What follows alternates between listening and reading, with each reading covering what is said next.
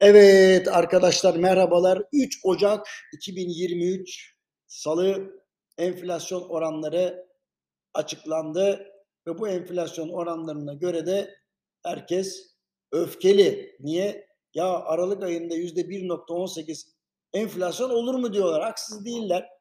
E, ama ne yapalım rakam böyle çıktı. E, zaten şunu biliyorduk.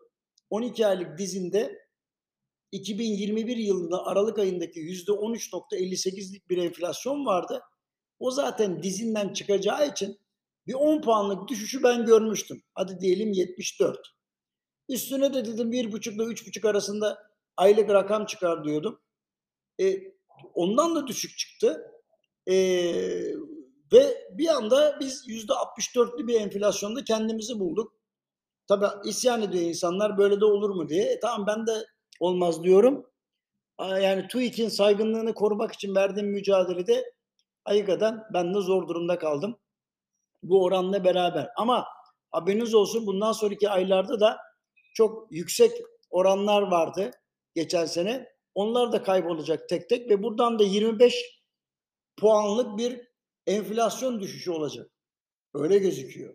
E hal böyleyken yapacak bir şey yok. E, enflasyonun seçimlerin öncesinde ya da biraz sonrasında yüzde kırklara falan düşeceğini ve enflasyonla alakalı konuşmaların artık yapılmayacağını, hayat pahalılığının tam gaz devam edeceğini öngörebiliyorum. Bunu söyleyeyim. Fakat enteresan başka şeyler de oluyor. Mesela finans piyasasını düzenlemekle alakalı kararlar var.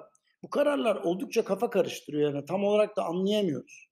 Ondan sonra e, acaba tam olarak ne yapmaya çalışılıyor? Mesela factoring ile alakalı bir karar çıktı. Fakat detayı yok.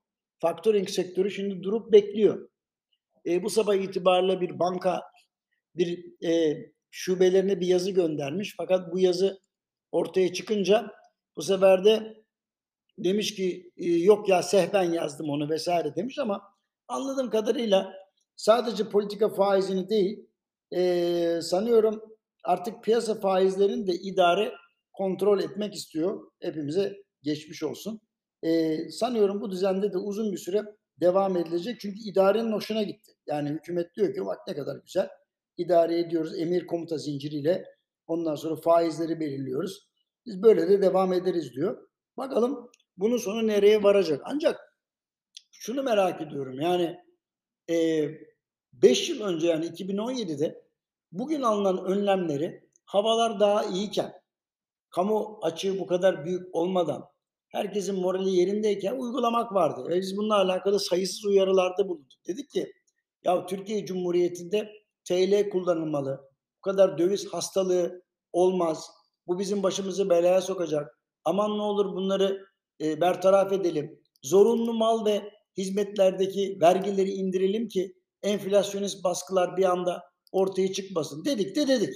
Onu söyleyeyim yani. Ama bakıp görüyoruz e, bunlar şimdi çok gecikmeli e, ondan sonra yapılıyor. Yani gecikmeli yapıldığı için de ne oluyor? Faturası ağır oluyor. ya Bu kadar ağır bir kamu borcu e, ile e, anne ne bileyim bu işi böyle yönetmemeliydik.